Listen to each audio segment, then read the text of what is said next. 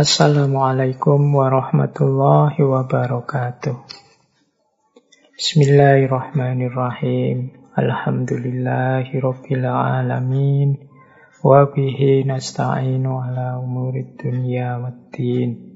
Allahumma salli wa sallim wa barik ala habibina wa syafi'ina sayyidina wa maulana Muhammadin wa ala alihi wa ashabihi wa man tabi'ahum bi ihsanin ila yaumiddin. Amma ba'du. Bismillah teman-teman. Mari kita lanjutkan lagi ngaji filsafat kita. Kita istiqomai belajar kita setiap malam kemis Semoga untuk selanjutnya, seterusnya kita juga bisa istiqomah tentang apa saja temanya. Baik tema yang kita nantikan, kita tunggu-tunggu, maupun tema yang mungkin kita tidak menduga-duga. Kok tiba-tiba temanya ini, temanya itu. Mungkin kita tidak menganggap penting beberapa tema yang kita angkat, tapi insya Allah ilmu itu akan menemukan signifikasinya, menemukan nilai pentingnya sendiri. Sering saya sampaikan, bekal ilmu itu sama seperti bekal peralatan atau bekal senjata yang jadi andalan kita untuk hidup. Mungkin hari ini kita memperoleh palu, sementara kita merasa, Pak, saya butuhnya bukan palu. Saya hari ini lebih merasa butuh gergaji misalnya. Bukan berarti kan gergaji eh, palunya terus kita buang. Ya palunya kita simpan. Siapa tahu pada saatnya nanti kita membutuhkan palu ini. Nah, semoga logika ini bisa dipakai ya untuk teman-teman yang merasa, Pak, temanya masih belum tema yang saya tunggu. Yo, mari kita nikmati saja tema demi tema Semoga sedikit-sedikit dari semua tema yang kita angkat ada manfaatnya atau kita jadikan referensi, rujukan dalam diri kita, siapa tahu nanti pada saatnya kita membutuhkan. Sebelum-sebelum ini misalnya kita belajar tentang agama dari perspektif sosial, perspektif psikologi, perspektif budaya. Ini mungkin hari-hari ini kita belum menemukan relevansinya dengan hidup kita. Siapa tahu pada saatnya nanti kita memerlukan perspektif-perspektif ini. Dan mungkin dengan banyak tema lain juga seperti itu. Nah, malam hari ini melengkapi wawasan kita tentang agama dari berbagai perspektif. Kita akan mengangkat salah seorang tokoh bangsa sendiri. Mungkin teman-teman pernah mendengar nama ini, khususnya mungkin para mahasiswa yang kuliah di UIN atau IAIN. Lebih khusus lagi yang kuliah di UIN, Yogyakarta, UIN Sunan Kalijogo. Ini tokoh ini ya termasuk pelopor termasuk tokoh utama dalam pengembangan ilmu di UIN Sunan Kalijogo. Yaitu beliau Bapak Profesor Dr. Kiai Haji Abdul Mukti Ali yang selain beliau ini pernah menjadi Menteri Agama dalam Kabinet Pembangunan 1 dan Pembangunan 2 sekitar tahun 1971 sampai 1978. Beliau ini merupakan juga salah seorang tokoh kebanggaan bangsa. Beliau dikenal juga sebagai bapak ilmu perbandingan agama di Indonesia. Makanya kita angkat malam hari ini dalam perspektif-perspektif beliau tentang agama dan perbandingan agama. Uh, kalau boleh cerita tentang riwayat hidup beliau, tidak apa-apa ya, agak panjang sedikit. untuk tokoh-tokoh bangsa biar kita kenal. Mungkin sebagian kita juga sedikit-sedikit kenal tentang beliau ini. Mari kita lebih dalami sedikit tentang riwayat hidup beliau. Yo, kalau katanya teman-teman zaman dulu kan tak kenal maka tak sayang. Ini peribahasa lama sekali, jarang kita pakai lagi. Tak kenal maka tak sayang. Jangan-jangan hari ini banyak konflik di antara kita, banyak uh, terjadi pertikaian-pertikaian, meskipun hanya lewat medsos di dunia maya, jangan-jangan karena memang kita tidak terlalu saling mengenal di antara kita. Wong yo memang interaksinya hanya di dunia maya. Sampai kita lupa bahwa tak kenal maka tak sayang. Ya, semoga untuk selanjutnya kita tidak kesusu berkonflik, tidak kesusu jatuh dalam polemik-polemik yang tidak perlu lewat dunia maya. Jangan-jangan variabel tak kenal ini banyak mempengaruhi. Kita hanya mengenal orang lain dari postingan-postingannya, dari uh, share-share mereka di dunia maya yang kadang-kadang sama sekali tidak mewakili diri mereka yang sejati sehingga terus muncul rasa tidak nyaman, rasa kecewa kita, rasa tidak terima kita pada postingan-postingan itu yang mengimbas ke orangnya. Terus muncul konflik-konflik. Nah, semoga kita mulai latihan menyayangi antara lain dengan cara mengenali. Nah, mari kita berkenalan sebentar dengan tokoh besar kita malam hari ini, yaitu Bapak Mukti Ali. Beliau ini nama asli beliau adalah Bujono. Nanti ada cerita sendiri dari mana nama Mukti Ali ini. Beliau lahir tahun 1923. Putra kelima dari tujuh bersaudara. Jadi beliau ini punya enam saudara, tiga laki-laki dan tiga perempuan. Beliau lahir di Desa Balun, Sudogaran, Kecamatan Cepu, Kabupaten Bluro, Jawa Tengah.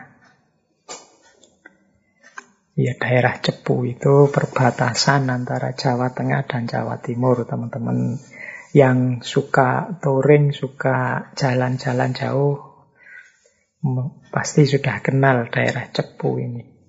Daerah Cepu ini dikenal banyak orang yang membudidayakan jati. Nanti ada cerita bahan-bahan jati dari sana itu yang dipakai untuk membangun pilar-pilar keraton Solo dan juga bahan-bahan untuk membangun Taman Mini Indonesia Indah. Teman-teman juga mesti ngerti daerah Cepu sumber minyak yang terkenal sekali bahkan sejak zaman Belanda minyak dari daerah Cepu ini sudah dieksplorasi. Dan juga banyak pengusaha tembakau. Nah, ayahnya Pak Muktiali atau yang lahir dengan nama Bujono tadi, ini pebisnis pembakau. Nama beliau adalah Abu Ali. Ini nama diperoleh setelah naik haji. Nama asli beliau Idris. Menarik ya teman-teman, boleh dikaji ini mengapa banyak orang dulu Waktu naik haji, pulangnya namanya diganti. Nah, dari nama Idris menjadi Abu Ali. Nah, beliau ini, Pak Abu Ali ini seorang pengusaha tembakau yang kalau menurut ceritanya beliau ini pekerja keras. Selain pekerja keras, beliau ini punya kegemaran sowan-sowan ke dalamnya para kiai. Meskipun nanti beliau di usia 62 tahun itu memutuskan untuk tidak bisnis lagi. Bukan alasan apa-apa karena mungkin beliau memahami bahwa usia manusia itu tidak akan sangat panjang. Bahkan Rasulullah saja usia 64 tahun sudah mangkat. Nah, beliau umur 62 tahun mengundurkan diri karena merasa saatnya untuk memikirkan bekal hidup untuk akhirat. Biar tidak sibuk dengan dunia saja. Kalau teman-teman belajar bahasa Jawa, 60 itu disebut uh, dengan nama Suida. 60 itu Suida. Jadi ini kalau orang umurnya sudah 60 berarti umurnya wis Suida. Suida itu ada yang bilang ini sebenarnya singkatan dari sampun wancini pun tindak. Sampun wancini pun tindak itu sudah saatnya berangkat. Sehingga dengan penyebutan 60 itu suida, semoga orang sadar kalau sudah nyampe usia 60 itu harus bersyukur dan ini sudah babak terakhir kalau pertandingan itu. Nah, makanya Pak Abu Ali ini ayahnya Pak Mukti Ali mengundurkan diri dari bisnisnya, bisnis tembakau usia 62 tahun. Beliau seorang yang cinta kiai, maka anak-anaknya ya diberi didikan kuat dalam hal agama, termasuk Bujono atau Pak Mutiali. Masa Bujono kecil ngajinya di daerah Cepu saja pada seorang kiai masyhur dari Cepu namanya Kiai Usman. Kiai Usman ini put putra dari Kiai Hasim Padangan. Kiai Hasim Padangan ini kalau dalam sejarah beliau ini termasuk pernah menjadi gurunya Mbah Yai Hasim As'ari, pendirinya NU. Nah, pengalaman belajar agama yang sangat kuat dari Bujono atau nanti Pak Mukti Ali ini adalah ketika beliau oleh ayahnya dipondokkan ke Termas. Nah, teman-teman yang memperhatikan dunia pesantren pasti kenal nama Pondok Termas ini. Pondok Termas ini salah satu pondok yang besar, yang masyhur pada zamannya, setara dengan Pondok Lasem yang dipimpin Kiai Maksum, Pondok Tebu Ireng yang dipimpin Mbah Hasim As'ari atau Pondok Bangkalan yang dipimpin Mbah Yai Khalil. Pondok Termas ini terkenal dengan ilmu alatnya. Didirikan oleh Mbah Yai Haji Abdul Manan. Tapi yang mungkin pernah teman-teman dengar yang paling masyur dari pondok ini kan putra beliau yang namanya Muhammad Mahfud. Putra beliau Muhammad Mahfud ini uh, salah seorang cendekiawan, kiai besar, ulama besar. Beliau mengajar di Masjidil Haram, banyak nulis kitab yang jadi rujukan dunia intelektual Islam yang masyhur dikenal dengan nama Syekh Mahfud At-Turmusi. Nah, eh, Pak Mutiali ini yang saat itu namanya masih Bujono, masuk ke pondok Termas ini saat pondok ini mengalami pembaruan-pembaruan. Jadi dari sistem lama yang murni pondok ngaji kitab kuning bergeser ke sistem madrasi. Jadi lebih tertata kurikulumnya. Kalau sebelum itu, pondok itu sekitar tahun 30-an lah, 30 sampai 32. Itu sebelum itu oleh Belanda, pondok itu ya hanya boleh ngaji kitab suning saja. Kalau ada pondok kok ngaji kitab macam-macam bisa dicurigai. Nah, era Pak Muktiali mondok di Termas itu mulai terjadi pembaruan-pembaruan. Saat itu dikenal di sana ada tiga serangkai ustadz yang dicintai, yang jadi idola, yaitu yang pertama Mbah Kiai Haji Hamid Dimyati, yang kedua Mbah Kiai Haji Abdul Hamid Pasuruan, dan yang ketiga Mbah Kiai Haji Ali Maksum. Pada zamannya ini ustadz-ustadz muda progresif yang terkenal, yang dicintai para santri. Nah, Bujono ini dekat dengan dua gurunya, Mbah Yai Haji Hamid Dimyati dan Mbah Yai Haji Abdul Hamid Pasuruan. Makanya nanti dua gurunya ini kadang disebut dua Hamidain. Hamidain ini dua nama Hamid.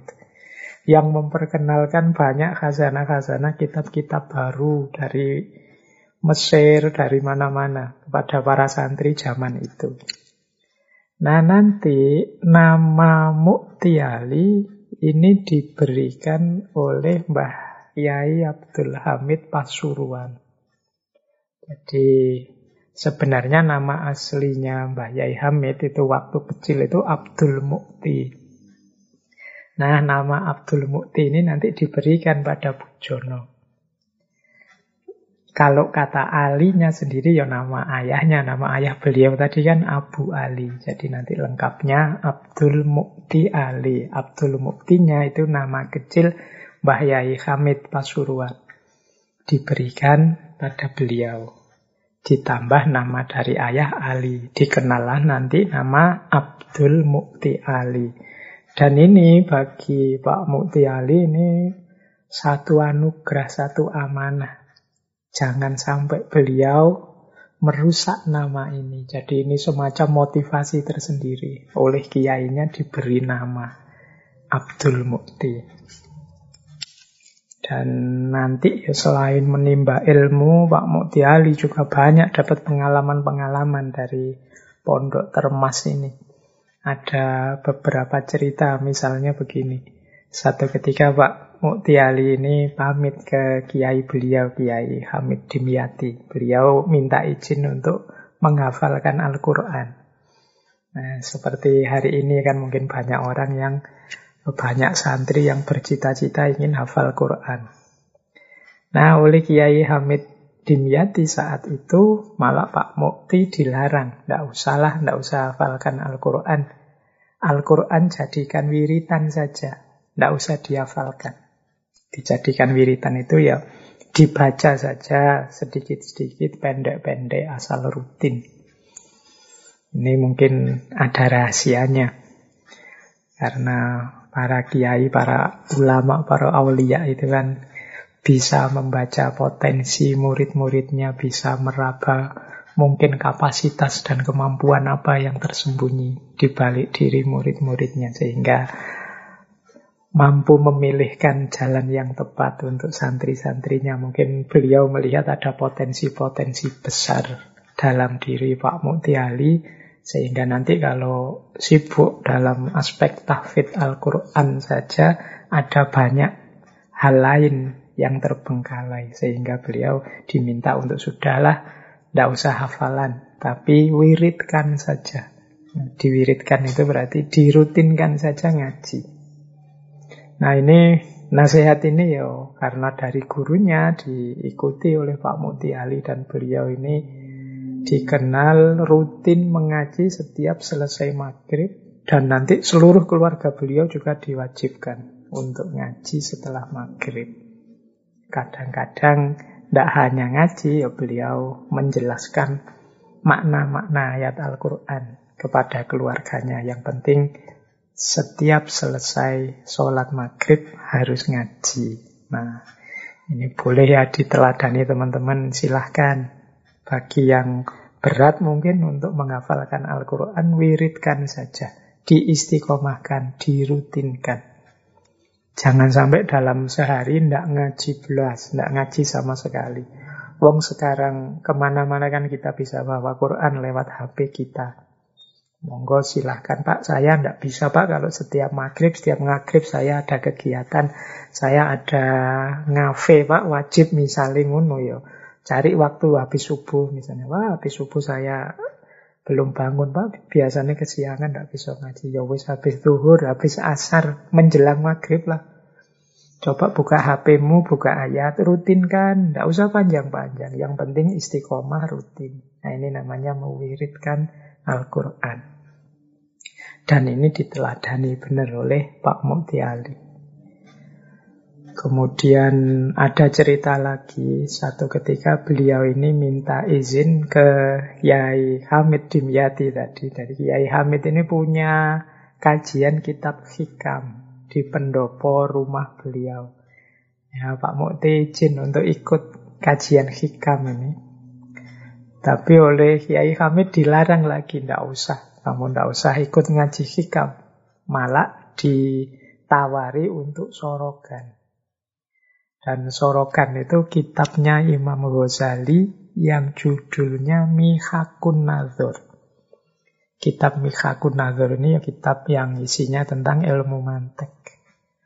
Nah, mungkin beliau Kiai Zindrati ini ngerti seperti apa nanti perjuangan Pak Muktiali sehingga tidak mungkin bagi beliau tidak terlalu cocok kalau Pak Mutiali ini belajar hikam kemudian nyufi. Karena beliau mungkin nantinya akan dibutuhkan oleh umat dalam kapasitas intelektual beliau. Makanya malah diminta sorokan kitab Mihakun Nazor yang isinya tentang ilmu mantek. Nah, pulang dari pondok ya beraktivitas, kemudian satu ketika beliau ini berniat untuk jadi tentara, ingin masuk Hizbullah yang dirintis oleh Masumi. Tetapi oleh ayahnya dilarang. Kata ayahnya, yo kamu saya didik, saya pondokkan, biar ilmu meluas, tidak menyuruhmu untuk jadi tentara. Sampai kemudian ya karena ayahnya melarang beliau patuh beraktivitas lain. Beliau sempat menjadi anggota DPR tahun 47 di Kabupaten Bluro. Dan terjadi agresi militer Belanda di Jogja. Nah, saat itu akhirnya beliau akhirnya ikut ikut pasukan namanya Angkatan Perang Sabil yang markasnya di Jogja Barat yang dipimpin Kiai Abdurrahman. Nah, ini pengalaman-pengalaman perjuangan berarti beliau juga mengalami. Tapi nanti jalan hidup beliau yang beliau tempuh sampai akhir hayat ya memang di dunia pendidikan tinggi diawali nanti beliau kuliah mendaftar di perguruan tinggi Islam paling awal di Indonesia yang diinisiasi zaman Kiai Haji Wahid Hashim yang dulu pernah kita bahas namanya STI Sekolah Tinggi Islam Nah, di sinilah baru beliau mengalami pendidikan yang tidak sama dengan pondok. Baru mengalami wawasan-wawasan baru keagamaan dan juga wawasan-wawasan keilmuan modern. Ada cerita saat beliau kuliah di STI ini, beliau ini punya dosen favorit, yaitu Kiai Haji Mas Mansur. Kiai Haji Mas Mansur ini terkenal cerdas. Beliau beliau ini kan kalau teman-teman membaca sejarah Kiai Haji Mas Mansur ini pendiri Nahdlatul Waton tahun 1916 dan nanti tahun 1922 beliau ini diajak oleh Kiai Ahmad Dahlan untuk masuk ke Muhammadiyah. Nah, Pak Mutiali terpesona dengan Kiai Haji Mas Mansur ini, khususnya gaya ngajar beliau. Jadi beliau ini ngajar mata kuliah agama Islam. Kalau ngajar itu pakai jas, pakai kopiah, tapi pakai sarung dan terompah. Mungkin semacam bakia kalau hari ini ya. Nah, yang menarik apa dari Kiai Haji Mas Mansur ini? Karena beliau ini pinter sekali menguraikan makna-maknanya Al-Quran dari berbagai aspek. Jadi, beliau ini bisa menjelaskan makna Al-Quran dari aspek sejarah, dari aspek sosial, dari aspek politik, dari aspek bahasa, dan lain sebagainya. Nah, ini menarik bagi Pak Mutiari. Nah, ini lanjut Pak Muktiali semakin cinta dengan ilmu. Suatu ketika beliau naik haji, berangkat ke Mekah, izin ke ayahnya bahwa dia tidak akan pulang, akan lanjut mencari ilmu. Jadi sekitar tahun 1950 beliau berangkat naik haji dan ingin sekalian belajar di Mekah. Ayahnya mengizinkan dan saat itu beliau sudah mau mendaftar di Mekah. Tapi ada yang menyarankan beliau bahwa kultur keilmuan Mekah itu mungkin tidak cocok dengan beliau. Beliau malah disarankan daftar saja ke Pakistan. Nah, beliau setelah merenung lama mengikuti nasihat ini, beliau akhirnya ke Pakistan dan mendaftar di Universitas Karachi. Fakultas Bahasa Arab, jurusan Sejarah Islam. Lima tahun di sana dan beliau mendapatkan gelar doktor. Nah, setelah lima tahun beliau akan balik lagi ke tanah air. Ada yang menawarkan beasiswa untuk beliau kuliah di Kanada, di McGill University. Ini beasiswa dari Asia Foundation. Karena beliau ini haus ilmu, haus tantangan, tawaran beasiswa ini diikuti, diterima.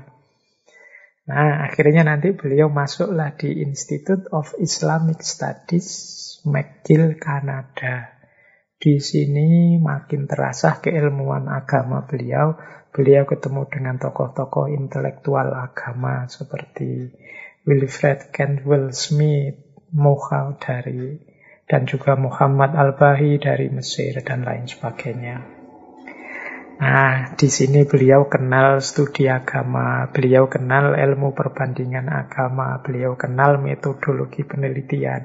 Ini wawasan-wawasan baru yang belum pernah ditemukan oleh beliau sebelumnya.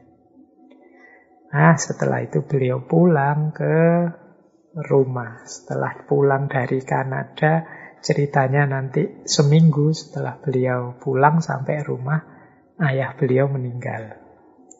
Jadi ini ada yang bilang ayah beliau ini semacam menunggu beliau pulang. Setelah merantau, jadi mulai tahun 50 sampai 57. Nah, setelah itu beliau mengajar di PT AIN di Jogja. Ini cikal bakalnya IAIN dan UIN sekarang. Kemudian mengajar di Jakarta namanya ADIA. ADIA itu Akademi Dinas Ilmu Agama. Ini nanti cikal bakalnya UIN Jakarta sekarang.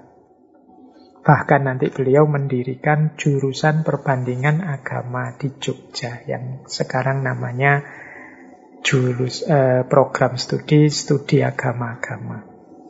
Dan nanti melahirkan banyak jurusan-jurusan perbandingan agama di seluruh Indonesia. Itulah mengapa beliau nanti dijuluki sebagai bapak perbandingan agama di Indonesia. Nah, dalam aktivitas intelektual ini terkenal sekali nanti beliau ini memiliki satu kelompok diskusi yang dari situ lahir tokoh-tokoh intelektual besar di Indonesia. Namanya Lingkaran Studi Limited Group. Di Limited Group Discussion. Ini yo studi diskusi rutin setiap Jumat sore di rumah beliau. Nah, di sini yang ikut diskusi mungkin tokoh-tokoh cendekiawan muslim yang namanya sering kita dengar. Seperti Gawam Raharjo, Ahmad Wahid, Johan Effendi, sesekali ikut juga Pak Kunto Wijoyo, Deliar Nur, Lafran Pane, termasuk juga Rendra, dan banyak lagi nama-nama besar lain, termasuk kalangan dari agama lain, misalnya Pak Baker, Pak Nils Mulder, dan lain-lain. Nah, jadi ini, ini nanti menjadi semacam pusat kajian yang melahirkan tokoh-tokoh intelektual Indonesia. Nah, setelah itu tahun 71 sampai 78 beliau diangkat menjadi menteri agama. Kalau dari sisi urutan ya beliau ini mungkin menteri agama yang ke-13 dari kabinet pembangunan satu dan kabinet pembangunan dua. Nanti beliau bergumul dengan berbagai persoalan besar kebangsaan dan setelah selesai menjalankan amanah sebagai Menteri Agama, beliau pun kembali ke kampus menjadi pengajar dan aktif memproduksi berbagai gagasan-gagasan, ide-ide intelektual yang mempengaruhi dunia kajian Islam dan kajian agama-agama di Indonesia. Oke, baik. Wah, saya lama sekali cerita tentang riwayat hidup beliau. Tidak apa-apa ya, biar teman-teman kenal. Nah, kalau dari sisi karya-karya beliau, ini yo banyak sekali yang hari ini bisa kita identifikasi 30-an lebih dari berbagai bidang. Dalam catatan saya, kalau di klaster-klaster bidang-bidang yang ditulis oleh Pak Mukti Ali ini, ya yang paling banyak tentu saja bidang perbandingan agama. Kemudian beliau juga menulis tentang pemikiran Islam modern. Kemudian beliau juga punya beberapa tulisan tentang pendidikan. Kemudian tentang pembangunan nasional, karya-karya tentang dakwah, tentang kebudayaan dan seni, tentang metodologi penelitian agama, tentang sosiologi, bahkan ada kitab tentang hukum, tentang hisab dan rukyat, dan juga tentang ekonomi. Ada juga beliau menerjemahkan dua buku yaitu buku tulisan Toha Hussein yang judulnya Al-Wa'dul Haq yang diterjemahkan dengan judul Janji Allah dan buku tulisan Charles Isawi yang judulnya An Arab Philosophy of History. Ini tentang Ibnu Khaldun. Nah, dari segi produktivitas ilmiah dan intelektual beliau ini sudah tidak perlu diragukan lagi. Kapasitas keilmuan beliau. Baik, mari kita belajar sedikit dari Pak Muktiali di balik gagasan-gagasan beliau yang banyak senyampainya saja di kajian kita malam hari ini Khususnya nanti kita akan fokus pada kajian agama-agama dan perbandingan agama. Nah, sebelum itu menarik untuk kita cermati zaman Pak Muktiali ini menjadi Menteri Agama itu juga banyak problem-problem yang berhubungan dengan keagamaan dan kenegaraan. Dan nanti beliau dengan kapasitasnya sebagai Menteri Agama, banyak melakukan terobosan-terobosan tentang hubungan agama dan negara ini. Beberapa di antaranya mungkin kita nikmati sampai hari ini. Kita coba lihat ya beberapa yang mungkin monumental kebijakan-kebijakan beliau dalam hal keagamaan dan kenegaraan antara tahun 1971 sampai 1978. Ini dari zaman saya belum lahir sampai saya umur 3 tahun. Kalau saya kan lahir umur 19, eh, tahun 1975.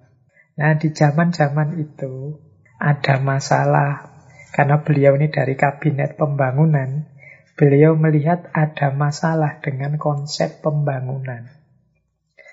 Pak Mukti ini melihat konsentrasi banyak orang, termasuk pemerintah saat itu, kok iyo hanya pada aspek pembangunan ekonomi saja ya. Ini kalau terus-terusan seperti ini, Indonesia ini akan mengulangi kesalahan Barat. Dengan segala kemajuannya dan dampak negatifnya.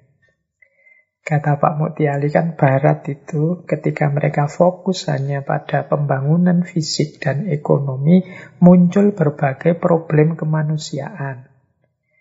Misalnya problem alinasi. Alinasi itu problem ketika peradaban tidak melihat manusia sebagai manusia. Sehingga manusia jadi semacam orang asing pada zamannya. Jadi manusia tidak dimanusiakan. Manusia hanya dilihat aspek ekonominya, manusia hanya dilihat aspek teknisnya, manusia hanya dilihat sisi faktual rasionalnya saja. Banyak sisi-sisi kemanusiaan yang lain tidak dianggap. Kalau dulu teman-teman mengikuti kajian tentang Sayyid Hussein Nasr, yang beliau mengeluhkan tentang betapa dampak dari modernisasi. Nah, hal yang sama dilihat oleh Pak Mukti Ali. Wah, ini pembangunan kalau hanya fokus pada ekonomi, ini kita bisa jatuh pada lubang yang sama seperti Barat. Wong Barat sekarang sudah mulai sadar ada problem-problem di situ termasuk dengan munculnya individualisme, kapitalisme, imperialisme, dan lain sebagainya. Nah, di situlah nanti Pak Mutiali terkenal sekali dengan kalimat beliau bahwa kita perlu pembangunan manusia Indonesia seutuhnya dan masyarakat Indonesia seluruhnya. Pembangunan manusia Indonesia seutuhnya itu maksudnya ya mari kita bangun SDM manusia ini tidak hanya dari aspek fisik ekonomi saja, tidak hanya dari aspek kontribusi kerja apa, kemudian produktivitas ekonomi apa yang bisa dia berikan, tapi juga ya seutuhnya sebagai manusia dalam aspek moral, dalam aspek spiritual, dalam unsur-unsur kemanusiaan. Nah ini namanya pembangunan manusia Indonesia seutuhnya. Tidak hanya kaya materi, tapi juga kaya hatinya. Tidak hanya canggih mengelola dunia, tapi juga unggul di bidang spiritualitasnya. Nah inilah pembangunan manusia Indonesia seutuhnya dan juga pembangunan masyarakat Indonesia seluruhnya. Ini bermakna adil, jangan pilih-pilih. Kenikmatan, keuntungan pembangunan harus dirasakan semuanya. Harus merata.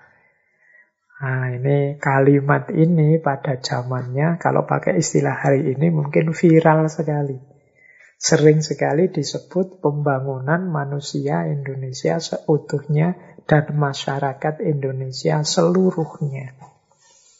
Meskipun resikonya sesuatu itu viral, itu kan banyak orang mengulang-ulang menyebut-nyebut sehingga kedalaman maknanya terlupakan. Pokoknya tiap ada sambutan pejabat, ya mari kita membangun manusia Indonesia seutuhnya, masyarakat Indonesia seluruhnya. Entah paham atau tidak maksud dari jargon ini. Ah, tapi betapapun Pak Muti Ali dengan jargon dan semboyan dan konsep-konsep tentang pembangunan yang seutuhnya ini paling tidak bisa ngerem, bisa menahan laju pembangunan agar tidak hanya fokus segala energi daya upaya hanya untuk pembangunan ekonomi saja. Tapi perlu juga memperhatikan aspek-aspek pembangunan yang lain, termasuk pembangunan mental, moral, spiritual manusia. Dan jangan lupa pemerataannya atau pembangunan masyarakat Indonesia seluruhnya. Oke, kemudian yang kedua, ini zaman itu juga sudah ada isu tentang kerukunan antar umat beragama. Ini juga jadi kegelisahan kita sejak awal republik ini lahir. Saling curiga, saling merasa terancam antar umat beragama. Ya sejak awal sudah ada upaya-upaya, bahkan zaman Menteri Agama sebelum Pak Mukti, zaman Menteri Agamanya Kiai Haji Muhammad Dahlan, itu juga sudah ada upaya-upaya membangun kerukunan antar umat beragama. Cuma saat itu macet proyek ini karena yang diundang tokoh-tokoh agama, ya biasanya kalau sudah tokoh agama itu aspek emosionalnya agak tinggi, jadi sulit perundingan-perundingan macet. Nah zaman Pak Muti Ali strateginya diubah. yang diundang untuk merancang kerukunan antar umat beragama bukan tokoh-tokoh agama, tapi ahli-ahli agama, intelektual-intelektual agama, cendekiawan-cendekiawan agama. Nah, lewat kebijakan ini nanti mulai terbuka jalan. Mulai muncul inisiasi-inisiasi, usulan-usulan apa yang harus dilakukan agar antar umat beragama ini rukun. Mulai ada usulan-usulan dari bawah, gimana kalau dilakukan dialog antar umat beragama, gimana kalau dibangun eh, lembaga-lembaga kerukunan antara umat beragama, dan lain sebagainya. Karena Mungkin yang diundang para cendekiawan, akademisi, sudah biasa diskusi sehingga mampu merumuskan hal-hal yang diperlukan. Sampai hari ini kan kita sering mendengar istilah forum kerukunan umat beragama, dialog antar umat beragama. Nah, ini sudah dimulai sejak zaman Pak Mukti Ali. Nah, ini bagi saya kontribusi besar kedua di antara kebijakannya Pak Mukti Ali. Ah, terus ada lagi, kalau ini terkenal sekali kalimat ini. Ini tentang hubungan agama dan negara. Sampai hari ini kan masih banyak orang-orang yang uh, masih meragukan antara hubungan agama dan negara ini.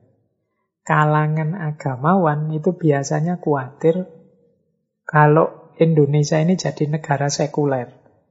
Jadi negara sekuler itu negara yang menganak dirikan agama. Agama itu urusanmu sendiri-sendiri, tidak usah minta diurusi agama. Eh, tidak usah minta diurusi negara. Para agamawan khawatir kalau Indonesia ini jadi negara sekuler yang tidak memperhatikan kehidupan beragama.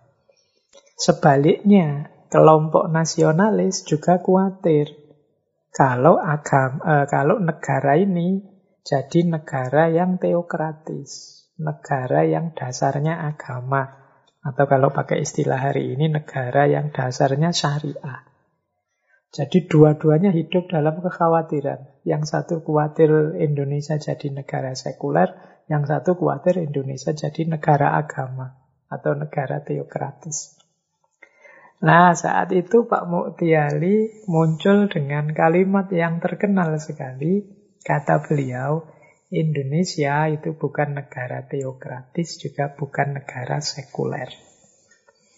Jadi di Indonesia, agama tidak hanya urusan privat, tapi negara juga memperhatikan kehidupan beragama. Ya diatur, ya diurusi, difasilitasi.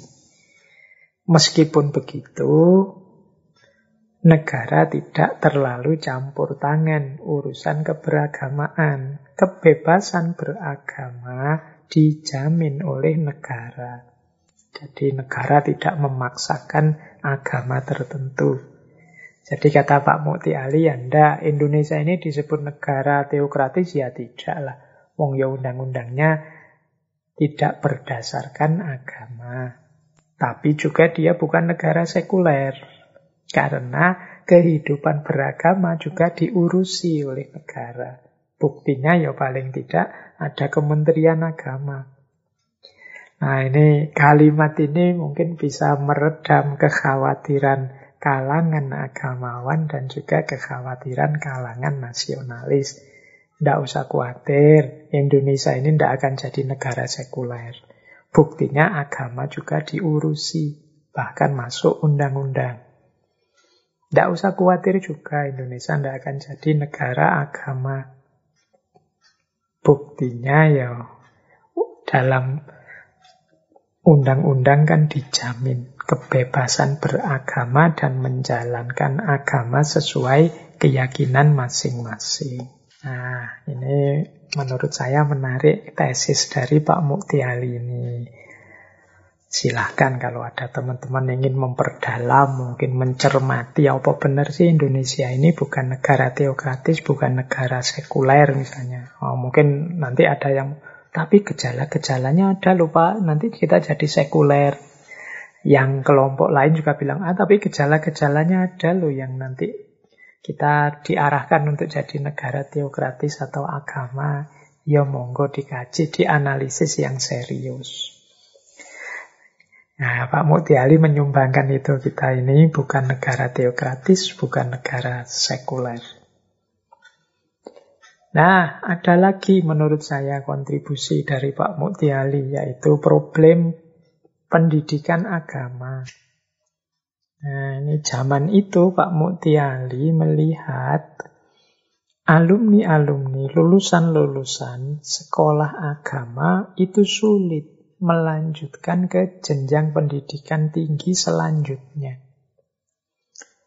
Misalnya yang lulusan apa ya zaman itu PGA, Pendidikan Guru Agama Islam. Itu tidak dapat mudah masuk ke perguruan tinggi umum. Misalnya tes itu mesti tidak lulus. Kenapa? Karena di pendidikan agama sebelumnya itu komposisi kurikulumnya 70% agama yang umum hanya 30%. Sangat sedikit. Sehingga menyulitkan mereka bersaing di level pendidikan selanjutnya. Nah, itu nanti banyak kebijakan yang diambil Pak Mutiali mengatasi situasi ini. Termasuk membalik komposisi kurikulum. Dari 70% agama, 30 umum, dibalik 30% agama, 70 umum. Kecuali nanti untuk yang jurusan agama. Nah, Ya termasuk yang seperti ini, pembalian ini tampak dengan lahirnya sekolah-sekolah seperti madrasah aliyah, madrasah sanawiyah, baik negeri maupun swasta. Itu kan komposisi kurikulumnya ya agamanya banyak, tapi umumnya juga banyak, 30%, 70%. Dan berbagai kebijakan lain dalam rangka mengafirmasi agar pendidikan agama ini lulusannya juga diterima dan diakui di level pendidikan selanjutnya. Nah, ini menurut saya terobosan juga dari zaman Pak Mutiali. Termasuk juga untuk pendidikan tinggi.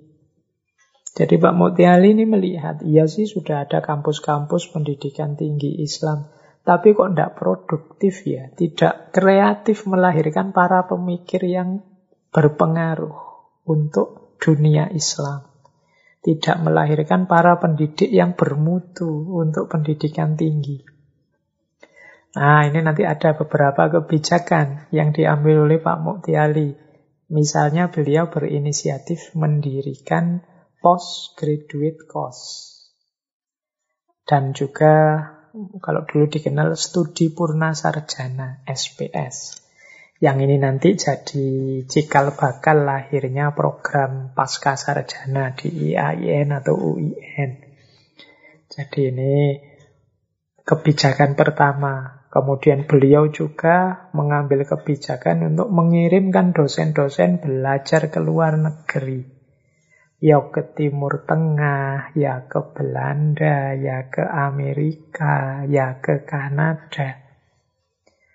Jadi ini di antara idealisme yang diusung oleh Pak Muti Ali, yo, pendidikan tinggi Islam di Indonesia ini yo harus bermutu.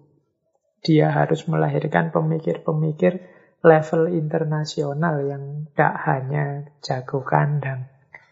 Maka diambillah beberapa kebijakan tadi, termasuk mengirimkan dosen-dosen ke negara-negara yang sistem pendidikannya lebih maju, baik di Timur Tengah, di Kanada, di Amerika, di Australia, di Belanda, dan lain sebagainya. Nah ini kalau dari sisi pendidikan. Kemudian juga Pak Muktiali melihat dalam hubungan antara pemerintah dan umat Islam ini ada sedikit kultur saling curiga. Jadi tidak saling percaya. Mungkin dianggapnya pemerintah ini tidak peduli dengan umat Islam. Atau jangan-jangan pemerintah juga curiga umat Islam ini akan menghalangi pembangunan. Padahal menurut Pak Mutiali, roda pembangunan ini akan bergerak. Kuncinya ada di tiga variabel, tiga posisi. Yang pertama tentu saja pemerintah. Yang kedua, para pemimpin lokal. Jadi orang-orang yang dipercaya di level lokal ya para ketua adat, para pemimpin-pemimpin di daerah dan lain sebagainya. Dan yang ketiga, para pemuka agama. Loh, kalau tiga unsur ini bermasalah, sulit kata Pak Mutiali menggerakkan roda pembangunan. Nah, khusus untuk umat Islam, kata Pak Mutiali, kalau begitu harus ada wadah yang menghimpun para pemuka agama Islam ini, yang isinya para ulama yang mewakili suara umat Islam dan pastinya mereka ini dipercaya oleh umat Islam. Nah, di situlah nanti dari berbagai usulan ditetapkanlah berdirinya MUI jadi Majelis Ulama Indonesia. Yang awalnya memang nawaitunya untuk jadi jembatan sambung rasa antara atau jembatan komunikasi antara umat Islam dan pemerintah saat itu. Ya umat Islam ini kan jumlahnya banyak macam-macam lembaga organisasi. Nah, untuk menyambung aspirasinya umat Islam, didirikanlah saat itu MUI. Yaitu berdiri tahun 1975 dengan pertama kali diketuai oleh Profesor Dr. Buya Hamka. Yang pastinya sudah kita kenal. Dan tidak hanya itu, yo MUI ini nanti juga uh, diharapkan jadi jembatan komunikasi juga dengan kelompok-kelompok lain yang sejenis karena sebelumnya sudah ada PGI, sudah ada Walubi, sudah ada PHDI. Nah, jadi lahirnya MUI yang hari ini mulai diungkit lagi itu sebenarnya muncul zaman Pak Mukti Ali. Selaku beliau Menteri Agama saat itu, dengan pertama kali diketuai oleh Profesor Dr. Buya Hamka. Dan masih banyak mungkin yang lain ya, kebijakan inovasi dari Pak Mutiali, termasuk yang terkenal undang-undang perkawinan. Wah itu pada zamannya undang-undang perkawinan itu menghebohkan, rame, diwarnai berbagai polemik, khususnya yang berhubungan dengan Islam, termasuk tentang poligami dan lain sebagainya. Pada akhirnya toh bisa ditetapkan zaman Pak Mukti Ali ini. Baik, ah itu ilustrasi gambaran tentang kebijakan-kebijakan Pak Muti Ali selama beliau menjabat jadi Menteri Agama. Oke, ini sebelum masuk ke pandangan beliau tentang agama, boleh saya sampaikan sebentar. Menarik menurut Pak Muktiali ini, dunia pendidikan Islam di Indonesia itu punya beberapa titik lemah. Ini mungkin untuk bahan introspeksi kita. Menurut Pak Mutiali ya, kita ini yang pertama kekurangan bacaan ilmiah. Mungkin sekaligus juga kekurangan semangat membaca. Jadi orang itu kalau semangat membacanya tinggi, itu ya wawasannya akan luas. Kreativitasnya pasti meningkat. Tapi kalau males membaca, merasa sudah pinter, sudah bisa, sudah wawasannya luas, tanpa harus banyak membaca, Ya mungkin yang terjadi ilustrasinya seperti hari ini. Muncul berbagai konflik, berbagai polemik, berbagai problem. Orang mengandalkan ketajaman pikirannya sendiri meskipun perlu diuji apa pikirannya benar-benar tajam. Jadi membaca ini menurut saya penting. Kata Pak Muti Ali juga kita ini kurang baca. Budaya bacanya rendah, bacaannya juga masih kurang banyak. Kekurangan bacaan ilmiah. Kalau hari ini mungkin dari segi kuantitas banyak kalau mau ya. Buku-buku downloadan gratis itu banyak. Tapi ya semangat membaca kita yang perlu dipertanyakan hari ini. Yang kedua kata Pak Muti Ali, para akademisinya males meneliti secara ilmiah.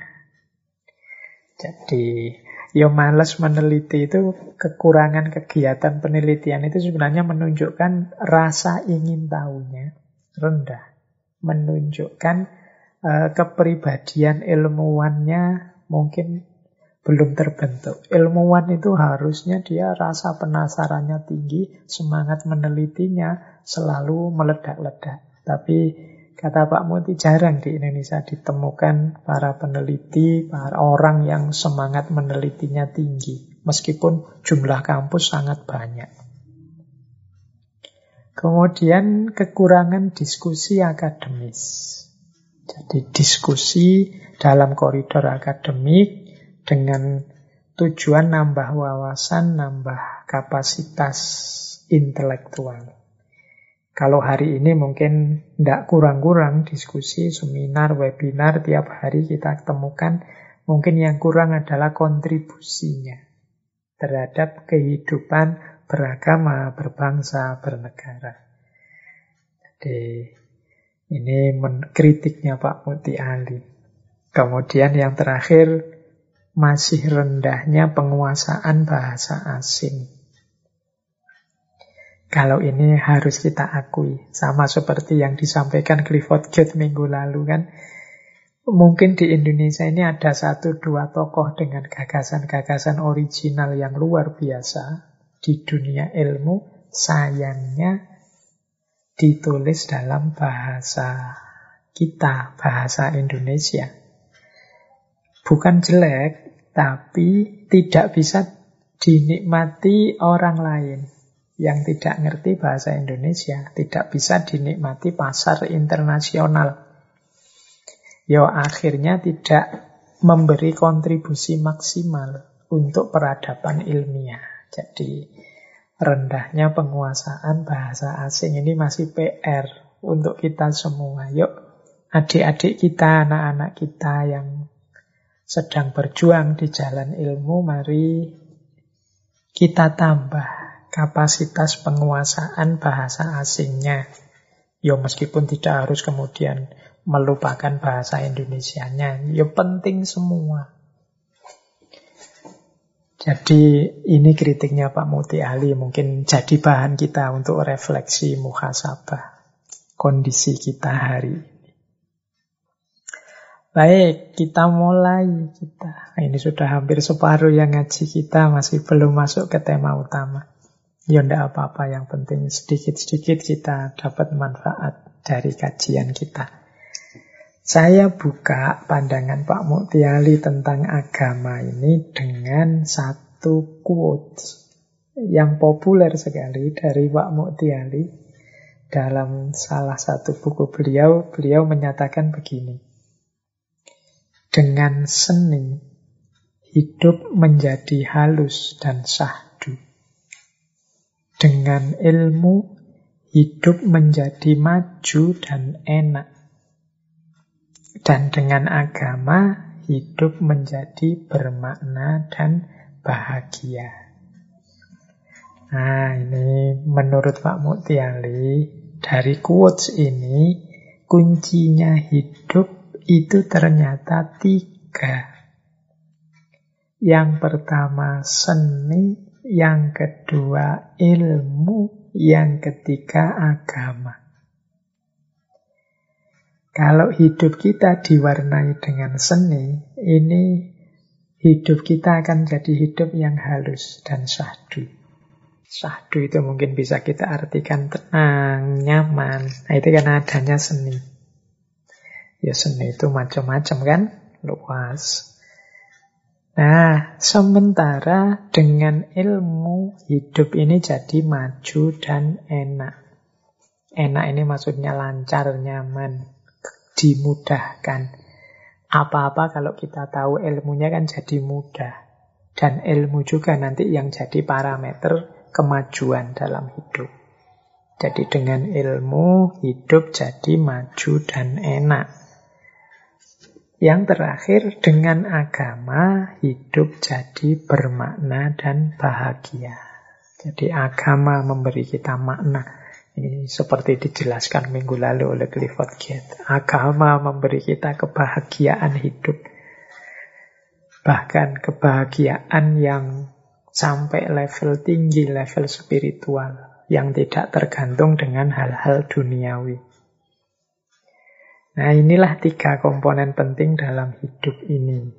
Ini kalau dijabarkan lebih jauh nanti dari quotes ini ada kalimat seni tanpa ilmu akan lunglai dan seni tanpa agama akan tidak terarah. Ya kalau seni tidak didukung oleh ilmu, ya dia tidak akan berkembang. Apa pun itu dimensi pengembangan dan kemajuan itu ya ilmu. Kalau kita hidup dengan seni saja tanpa ilmu, ya kita tidak akan maju, tidak akan progres. Seni pun harus didukung dengan ilmu atau hakikatnya seni itu sendiri ya ada ilmunya. Lebih lanjut kalau seni ini tidak didukung oleh agama, dia tidak punya visi. Dia tidak ada makna dan tidak terarah. Orang hidup itu kan kalau ada pijakan dan juga tujuan, itu kan lebih terarah. Nah, agama memberikan itu. Kalau seni tidak ada pijakan, tidak ada tujuan, dia tidak ada arah, ya tidak karu-karuan. Asal seneng saja, asal halus saja. Ilmu juga begitu. Ilmu kalau tidak ada seninya, ya kasar. Tidak enak dilihat, tidak enak dinikmati. Jadi tidak ada seninya sama sekali. Ya kayak teknologi apa pun kan biasanya di situ include seninya. Mobil misalnya kan seni, uh, arsitek susunan mobil rumah juga begitu. Itu kan ada seninya. Nah, jadi ilmu juga butuh seni. Kalau ilmu tanpa seni kasar. Ilmu tanpa agama biadab. Ilmu tanpa agama biadab itu maksudnya ya orang hanya memperhatikan ilmu saja melupakan sisi-sisi makna dan kebahagiaan hidup manusia. Sudah banyak contoh ketika ilmu hanya jadi sumber tragedi dan kerusakan peradaban. Di situlah ilmu memerlukan kendali agama. Ilmu tidak bebas nilai, tapi dia perlu kontrol dan kendali serta tidak nabrak nilai-nilai agama. Sebaliknya, agama juga begitu. Agama tanpa seni kering. Jadi, Agama itu ya dengan tambahan seni kan jadi indah. Ngaji itu ya sebenarnya tajwid sama makhrajnya pas itu silahkan saja dengan nada apa pun. Tapi kalau ada seni membaca yang indah itu kan lebih indah, tidak kering. Membaca solawat ya Allahumma sholli ala Muhammad itu sudah solawat. Tapi kalau kita baca dengan nada yang lebih indah, dengan intonasi irama tertentu, itu kan lebih indah. Tidak kering. Nah, agama tanpa ilmu ya akan lumpuh.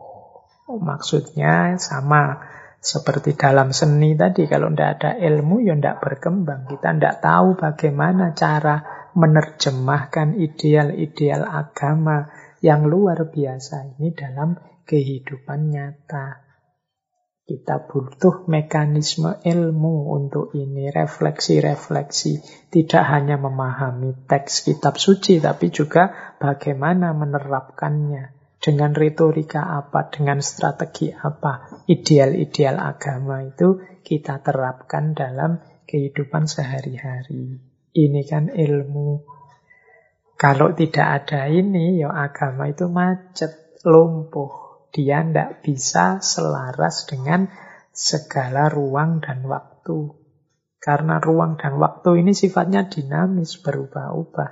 Perlu kemampuan berpikir, perlu ilmu. Jadi di titik inilah Pak Mukti Ali menjelaskan pentingnya agama. yang dia harus diwarnai dengan ilmu dan disempurnakan dengan seni.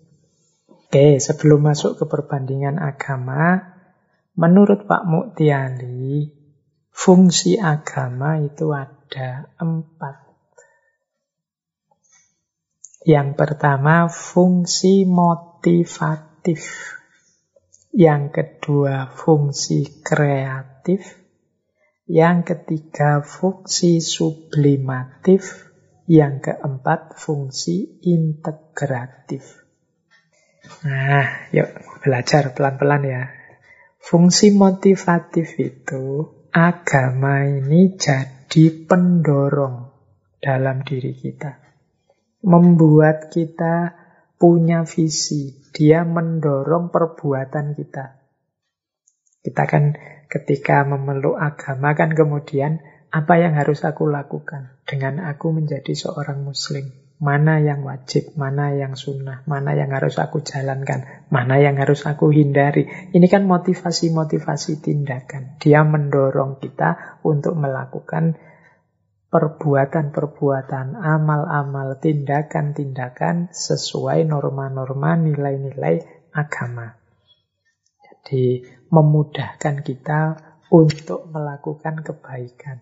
Itu namanya motivatif. Kita kan tidak harus capek mikir sendiri, milih perbuatan sendiri, mengkalkulasi sendiri, sudahlah agama sudah memberi petunjuk. Ini yang harus aku lakukan. Nah, ini namanya fungsi motivatif. Yang kedua, fungsi kreatif. Agama juga membuat manusia tidak hanya produktif, tapi juga kreatif, inovatif. Agama menyuruh ini. Apa yang harus aku lakukan biar ini bisa terwujud? Agama menyuruhku sholat dengan nutup aurat. Gimana caranya ya? Seperti apa kira-kira model baju yang menutup aurat itu? Agama menyuruhku sholat di masjid. Seperti apa arsitek masjid yang membuat orang nyaman di situ. Nah, itu namanya kreatif. Jadi, peradaban-peradaban besar banyak diwarnai oleh keimanan, kepercayaan masyarakatnya. Isi materi-materi yang ada, mungkin bentuk bangunan, mungkin kegiatan-kegiatan yang dilakukan, dan lain sebagainya, itu kreativitas-kreativitasnya banyak diwarnai oleh agama. Jadi agama berfungsi kreatif juga. Peradaban-peradaban besar dunia, misalnya Islam dengan peradaban Abbasiyah Andalusianya, kemudian peradaban Romawi, itu kan semua banyak diwarnai oleh keimanan agamanya masing-masing. India dengan Hinduismenya dan lain sebagainya. Nah, terus selain fungsi kreatif, agama juga punya fungsi sublimatif. Fungsi sublimatif itu mengubah sesuatu menjadi sesuatu yang lain. Gambarannya apa fungsi sublimatif itu? Agama bisa membuat aktivitas-aktivitas kita yang biasa jadi luar biasa mengkuduskan segala aktivitas manusia, mensakralkan aktivitas-aktivitas dunia. Ini agama. Makan misalnya, itu kan kalau dalam Islam ya makan itu sebenarnya ya demi kekuatan tubuh kita. Tapi kalau kita nawa itu saya makan dalam rangka menjalankan perintah Allah biar aku kuat ibadah misalnya. Loh ini makan ini tersublimasi dari kegiatan duniawi biasa menjadi kegiatan yang bernilai religius, spiritual. Jadi segala aktivitas kalau dalam agama kan bisa jadi ibadah. Itu namanya sublimasi.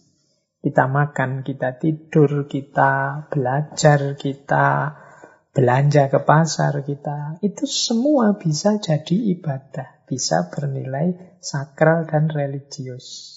Itulah yang disebut fungsi sublimatif, mengubah menjadi sesuatu yang cocok dengan nilai-nilai agama.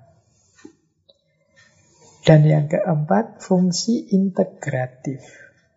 Nah, fungsi integratif itu membuat kita jadi manusia seutuhnya dan juga mengintegrasikan masyarakat. Mengintegrasikan masyarakat itu membuat masyarakat punya pijakan bersama. Sehingga mereka mudah kompak, mudah rukun. Nah ini namanya fungsi integratif.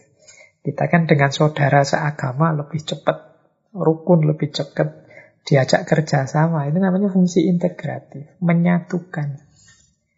Nah, kalau integrasi kepribadian kita yang membuat kita jadi manusia seutuhnya.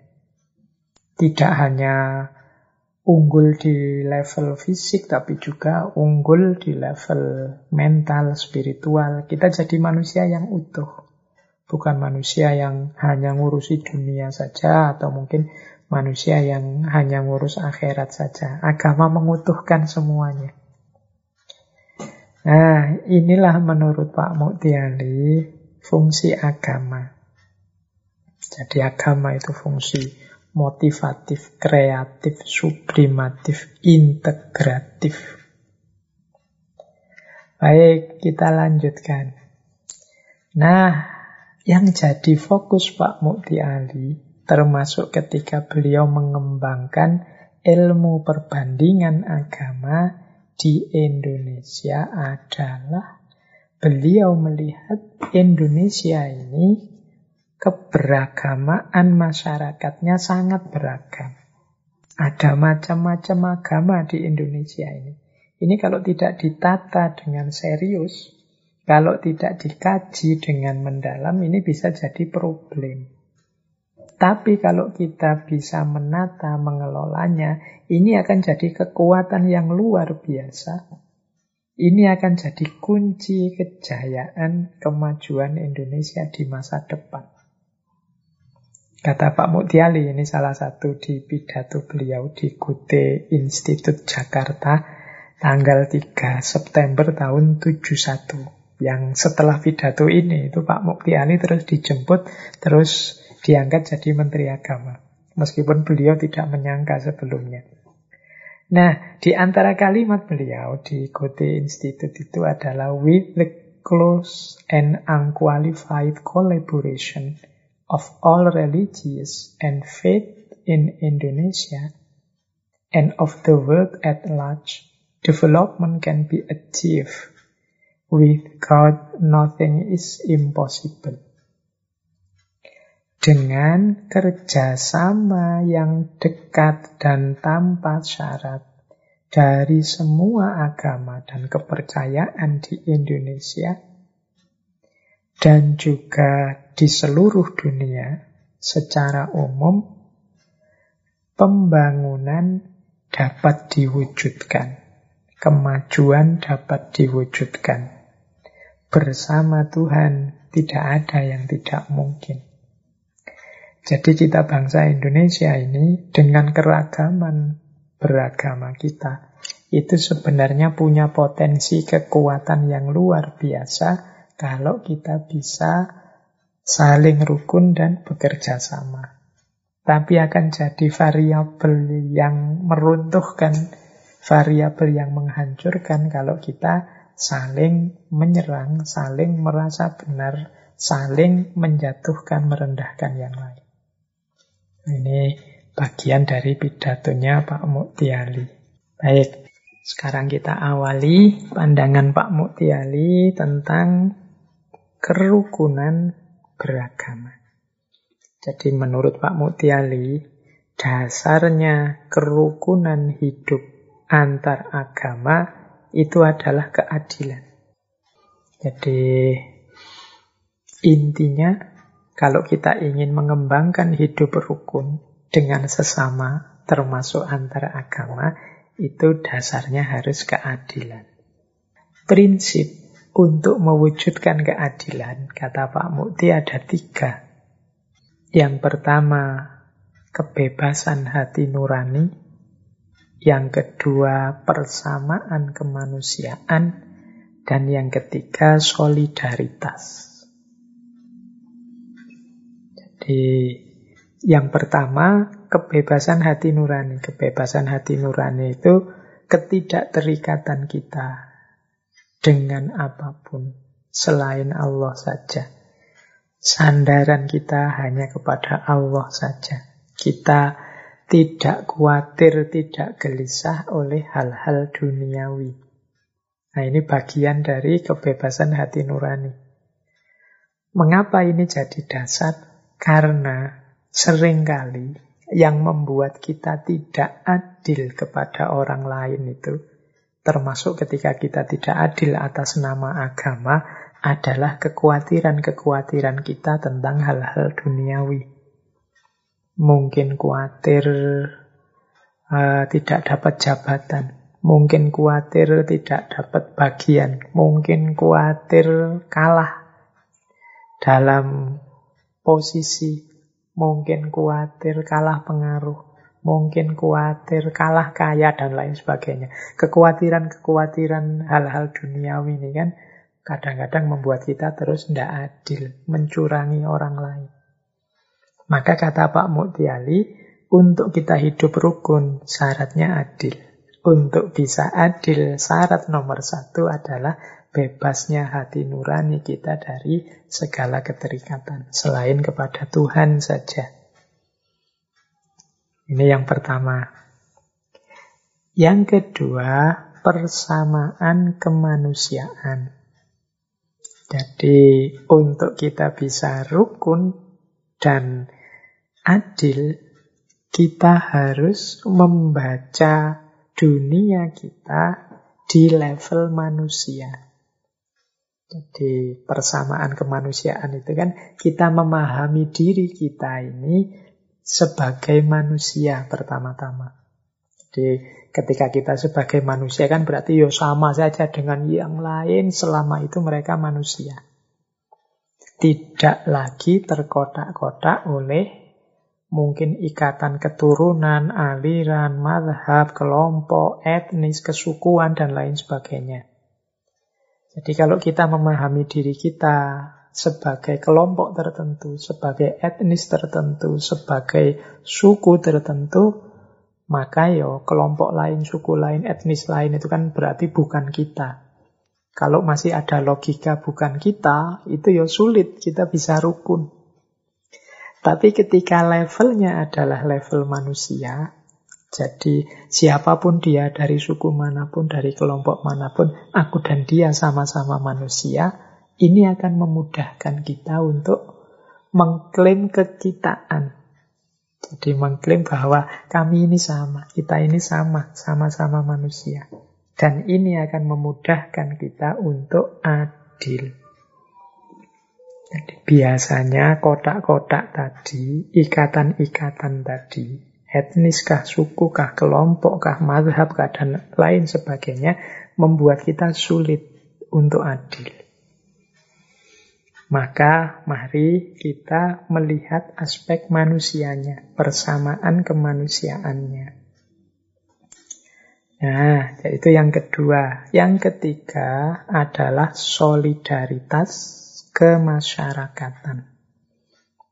Solidaritas kemasyarakatan itu komponennya paling tidak empat dalam pikirannya Pak Muti Ali, yaitu solidaritas seseorang dengan dirinya, solidaritas seseorang dengan kerabat dekatnya, solidaritas seseorang dengan umat dan bangsanya, bahkan solidaritas seseorang dengan generasi berikutnya. Jadi solidaritas itu kan rasa bahwa kita ini sama, rasa bahwa kita ini satu. Itu mudahnya untuk memahami solidaritas ini. Nah, solidaritas kita dengan diri kita sendiri itu maksudnya kemampuan kita untuk berdamai dengan diri kita sendiri.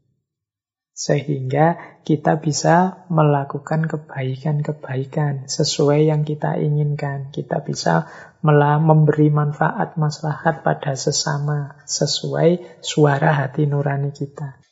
Nah, banyak orang yang melupakan dirinya sendiri demi ambisi, demi nafsu, demi keinginan-keinginan yang tersembunyi, yang buruk dalam dirinya. Sehingga dia kemudian kehilangan suara hati nuraninya. Ini orang yang tidak solider dengan dirinya. Dirinya sendiri disia-siakan. Hanya demi target-target ambisi-ambisi yang membuat kemudian muncul perilaku tidak adil. Yang kedua, solidaritas dengan masyarakat terdekat, kerabat terdekat.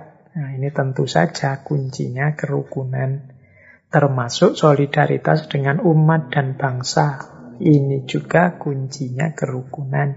Termasuk jangan lupa solidaritas dengan generasi berikutnya. Anak-anak kita, generasi selanjutnya itu ya harus kita terima mereka. Kita jatuhkan rasa kita atas mereka, kita empatik mereka. Karena mereka lah yang melanjutkan cita-cita kita. Jadi inilah dasar-dasar filosofi kerukunan beragama dasarnya keadilan dengan prinsip kebebasan hati nurani, persamaan kemanusiaan, dan solidaritas. Nah, sekarang kita mulai belajar ilmu agama.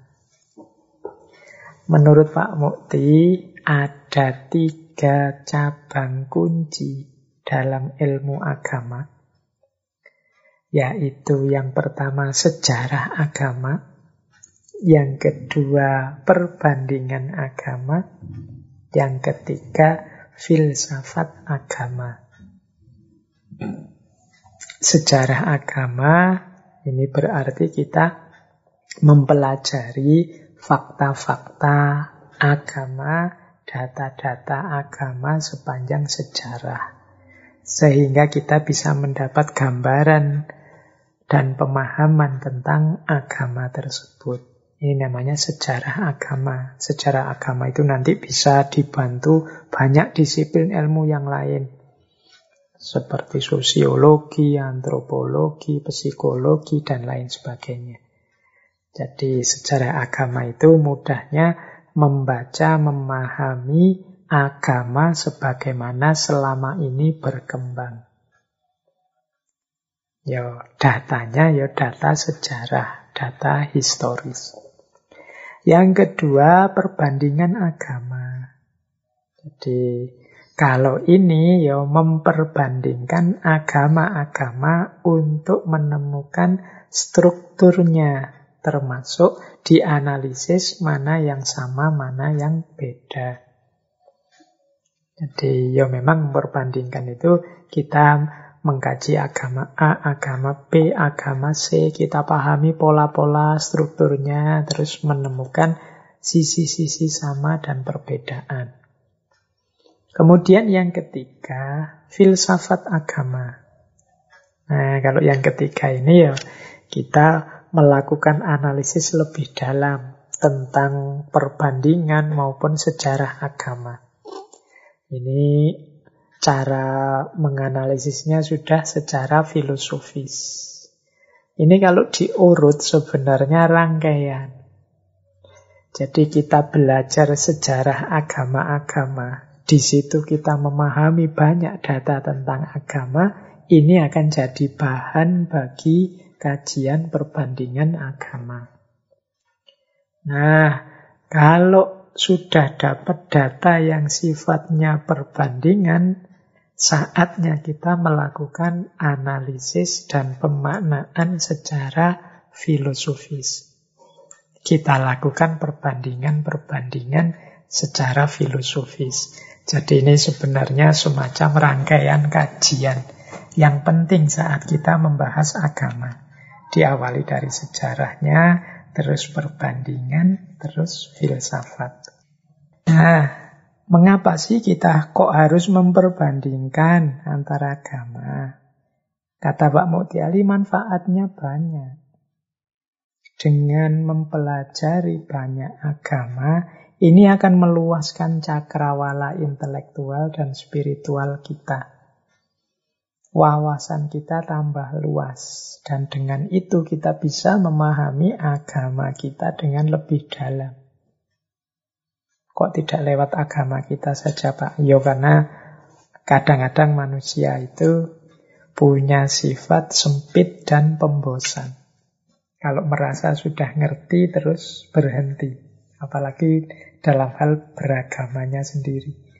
Tapi dengan pembanding-pembanding kita belajar agama-agama yang lain, kadang-kadang kita dapat pencerahan tidak sengaja tentang agama kita sendiri. Ini kalau saya Hussein Nasr punya istilah namanya passing over.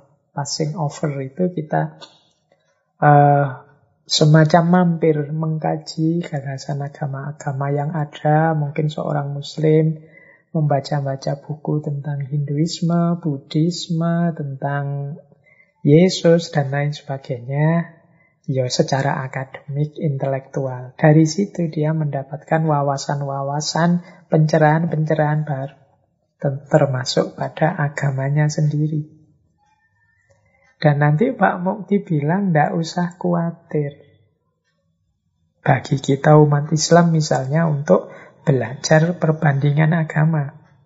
Karena justru dengan mempelajari agama-agama lain, keyakinan kita tentang finalitas, tentang kesempurnaan, tentang betapa keimanan kita selama ini sudah benar, itu akan lebih mantap. Kita akan lebih paham tentang kelebihan-kelebihan agama kita sendiri. Jadi mungkin kita akan terbuka, oh ternyata selama ini di agamaku ada juga konsep-konsep seperti ini bahkan lebih lengkap. Oh ternyata ada juga ini kata Pak Muti tidak usah khawatir. Justru dengan belajar agama-agama lain kita akan tahu di mana titik-titik kesempurnaan dan kelebihan agama kita. Ini menurut Pak Muti Ali. Dan kata Pak Muti Ali, para ulama lama sebelum kita itu juga sudah banyak yang melakukan kajian perbandingan agama ini. Misalnya Ibnu Hazm dengan kitab beliau Al-Faslu fil Milal wal Ahwa wan Nihal atau juga Syekh Abdul Karim Asyahrostani yang menulis kitab Al-Milal wan Nihal. Jadi para ulama banyak yang sudah melakukan ini. Jangan sampai ilmu ini mati. Nah, kemudian ditunjukkan oleh Pak Mukti Ali. Ini kan yang sering kita gelisahkan. Ketika ketemu banyak agama, terus sikap kita seperti apa? Belajar perbandingan agama kan kita ketemu keragaman ajaran agama ini. Menurut Pak Mukti Ali, ada lima standpoint, paling tidak. Standpoint itu berarti sudut pandang ketika orang berhadapan dengan agama lain. Yang pertama adalah sinkretisme. Sinkretisme ini, kata Pak Mukti, ini menganggap semua agama sama. Ini yang teman-teman sering tidak setuju itu kan, sering rame. Ada yang kedua, kata Pak Muti. Yang kedua, reconception. Reconception itu ketika seseorang kemudian mengubah, mereformasi pemahaman keagamaannya. Lebih fokus pada hal-hal yang sama atau yang ideal dalam rangka hubungan antar agama yang baik. Nah ini rekonsepsi. Jadi konsep-konsepnya yang lama dibongkar lagi biar lebih sesuai dalam pergaulan antar agama. Semacam ditafsir ulang agar lebih cocok. Oh ternyata pemahaman lamaku ini agak eksklusif, ini agak elit ini yang kalau saya terapkan mesti konflik dengan agama lain misalnya. Terus diatur ulang. Jadi mengalami konsesi-konsesi.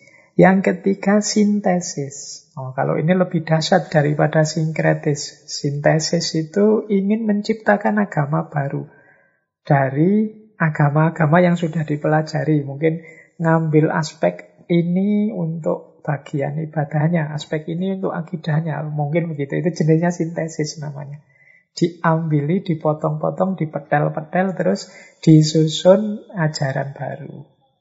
Nah ini namanya sintesis. Ada pengaruh agama ini, agama ini, agama ini dikumpulkan jadi satu. Ada aspek penggantian. Istilah penggantian ini Kalau dalam pemikirannya Pak Mutiali ya ketika kita kemudian berambisi agar orang ini mengikuti agama kita. Nah, empat yang atas ini Pak Mutiali tidak setuju. Sinkretisme, rekonsepsi, sintesis, atau penggantian. Menurut Pak Mutiali, sikap yang paling cocok saat kita menghadapi pluralitas agama, keragaman agama adalah agree in disagreement. Nah, ini istilah terkenal sekali dalam gagasan Pak Muktiali. Agree in disagreement itu setuju dalam ketidaksetujuan. Nah, apa sih maksudnya agree and disagreement itu? Ya ketika kita berhadapan dengan umat beragama lain, kita bisa menerima kehadirannya dengan keyakinan dan keimanannya. Meskipun kita tetap meyakini kebenaran agama kita. Ini namanya agree and disagreement. Ini mungkin mirip dengan dulu kita pernah belajar Voltaire. Voltaire itu pernah bilang, aku tidak setuju dengan gagasanmu, tapi akan aku bela mati-matian hakmu untuk berpendapat. Jadi aku tidak setuju sih dengan pendapatmu, tapi hakmu untuk berpendapat akan aku jaga dan aku bela. Nah, agree in disagreement ini kita tetap percaya dengan agama kita sebagai yang paling benar dan paling baik, tapi kita mempersilahkan silahkan orang lain juga meyakini keyakinan agamanya. Jadi tidak kemudian memaksakan keyakinan kita kepada orang lain. Jadi silahkan saja orang meyakini agamanya. Kalau dalam Islam ya bagimu agamamu, bagiku agamaku. Silakan kau yakini keyakinanku, aku pun akan meyakini. Silakan kau yakini keyakinanmu, dan aku pun akan meyakini keyakinanku.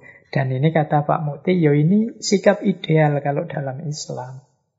Jadi tetap menerima hadirnya orang lain yang berbeda keyakinan.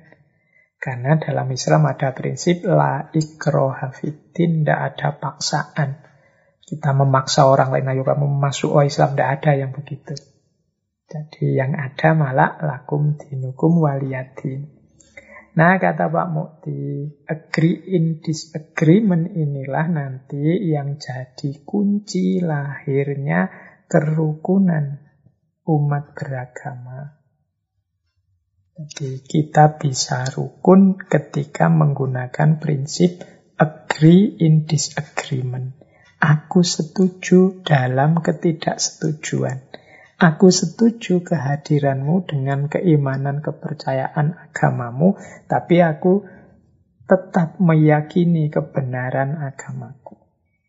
Yang berbeda dengan keyakinanmu. Itulah agree and disagreement.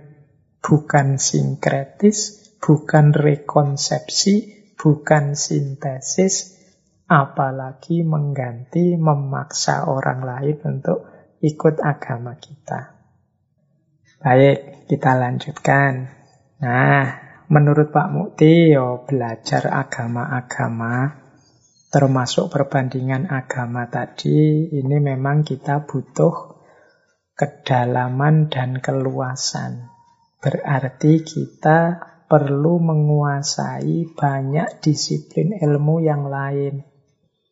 Jadi kita tidak bisa hanya sekedar ngerti dogma-dogma agama. Kata Pak Muti, ya kita butuh kapasitas, kemampuan memahami sejarah, memahami arkeologi, geografi, antropologi, etnologi, etnografi, psikologi, filologi, sosiologi, dan lain sebagainya.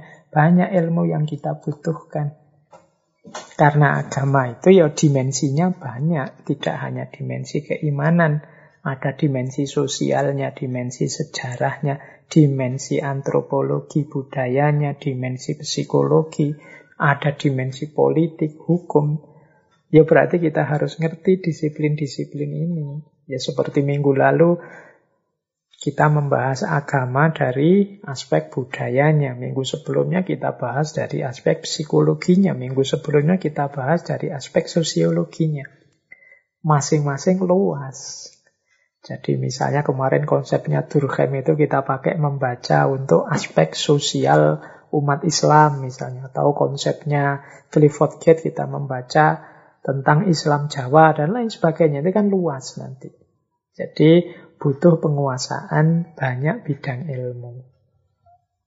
Ya mungkin teman-teman tanya, Pak, apa yo ada orang hari ini yang ilmunya mendalam di banyak sekali bidang itu loh seluas itu wong saya satu jurusan satu program studi saja pontang panting menguasai ya kalau dalam diri satu orang sulit untuk menguasai semua bidang ini ya berarti kita perlu kerjasama jadi nanti ketika membahas agama-agama yang dihadirkan tidak hanya yang memahami keimanan agama tapi juga butuh perspektif dari ahli sejarah, ahli psikologi, ahli sosiologi, dan lain sebagainya.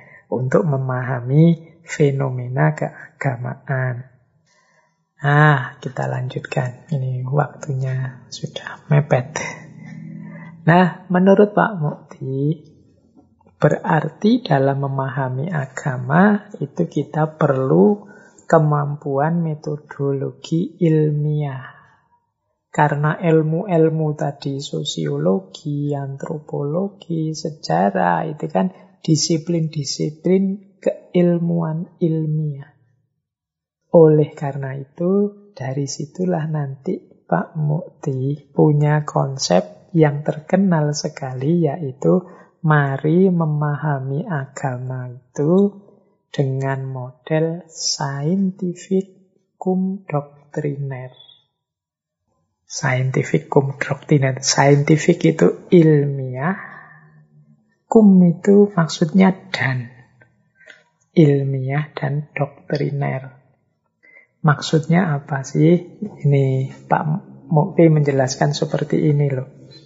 Orang belajar agama-agama itu ada tiga aliran cara orang membahas agama. Ada orang yang punya pandangan, ya belajar agama itu harusnya ya sudah mengkaji ajaran agama itu saja. Namanya sui generis. Ya sudah wawasan-wawasan keagamaan itu saja yang kita pelajari. Dan tidak usah dihubung-hubungkan dengan metode atau bidang-bidang keilmuan yang lain.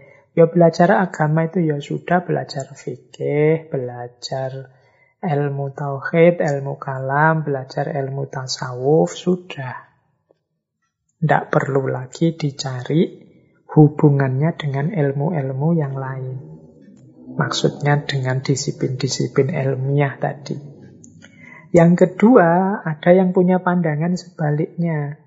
Loh, kalau agama ini ingin bertanding di level ilmu, ya dia harus mau diteliti dan diolah dengan metode ilmiah. Jadi mengkaji agama-agama itu ya harus menggunakan metode-metode ilmiah yang sudah disepakati. Karena kalau tidak begitu ya nanti tidak dianggap ilmu, nanti agama itu mungkin dianggap ajaran saja. Nah, yang ketiga ada yang punya pandangan sintesis. Pandangan sintesis itu yo kalau kita belajar agama itu yo memang kita harus paham doktrin-doktrin agama. Metode yang tadi disebut sui generis yang asli dari agama. Tapi juga kita perlu menggunakan metode ilmiah. Nah, Pak Mukti lebih cocok dengan yang ketiga ini. Jadi, kita meneliti agama itu ya gabungan dari doktrin-doktrin dogma-dogma agama yang kita pahami plus perspektif-perspektif analisis dari dunia ilmiah. Inilah yang oleh Pak Mukti disebut Scientific cum doctriner. Mengapa sih kok tidak ilmiah saja? Kan agama jadi ilmu dipelajari secara ilmiah kan beres titik. Kata Pak Mukti, pendekatan ilmiah saja itu akan sangat terbatas. Karena agama itu justru inti-intinya terdapat dalam hal kepercayaan, nilai, spiritualitas, pengalaman atau penghayatan.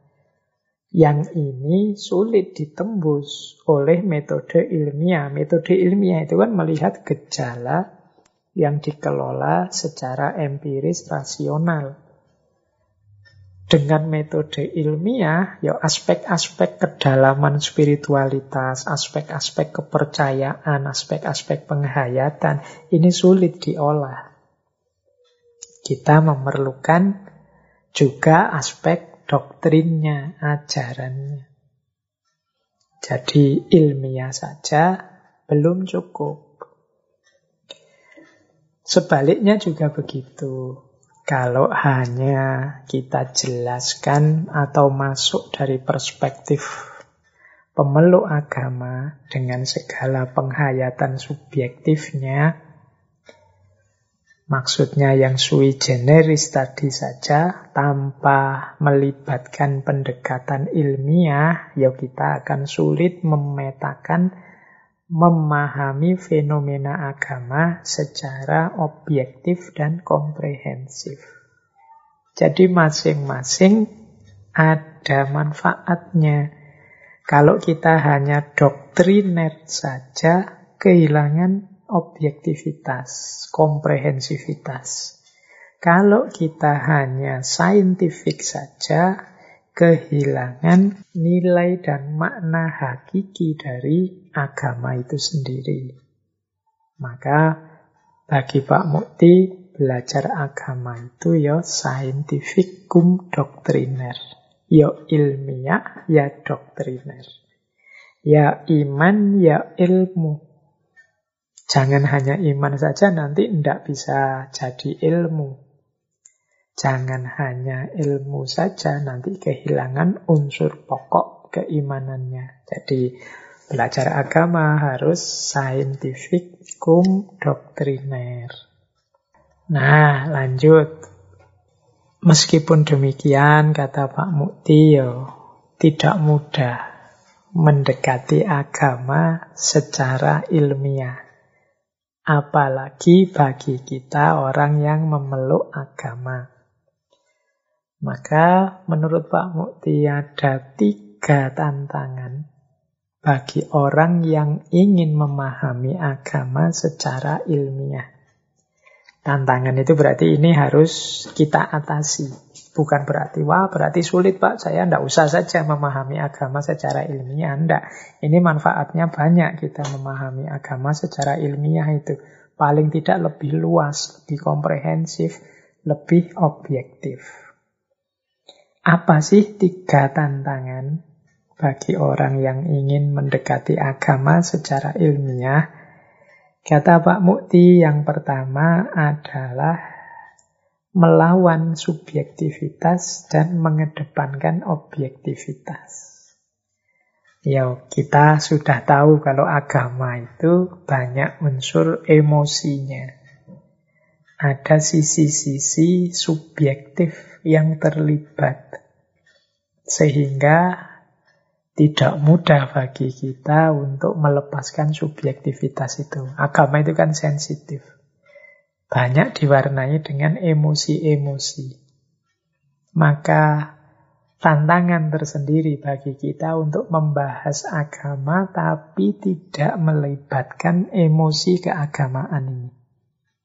Hari ini itu kan orang takut membahas agama. Orang takut mengulas atau mengomentari tentang agama karena khawatir menyinggung orang lain karena hari ini kalau sudah ada yang tersinggung terus urusannya bisa polisi, bisa ditawur orang se-Indonesia lewat Instagram, lewat komen-komen dan lain sebagainya. Nah, karena memang agama itu syarat dengan sentimen dan emosi. Orang biasanya kepada agamanya sangat terikat dan sangat emosional.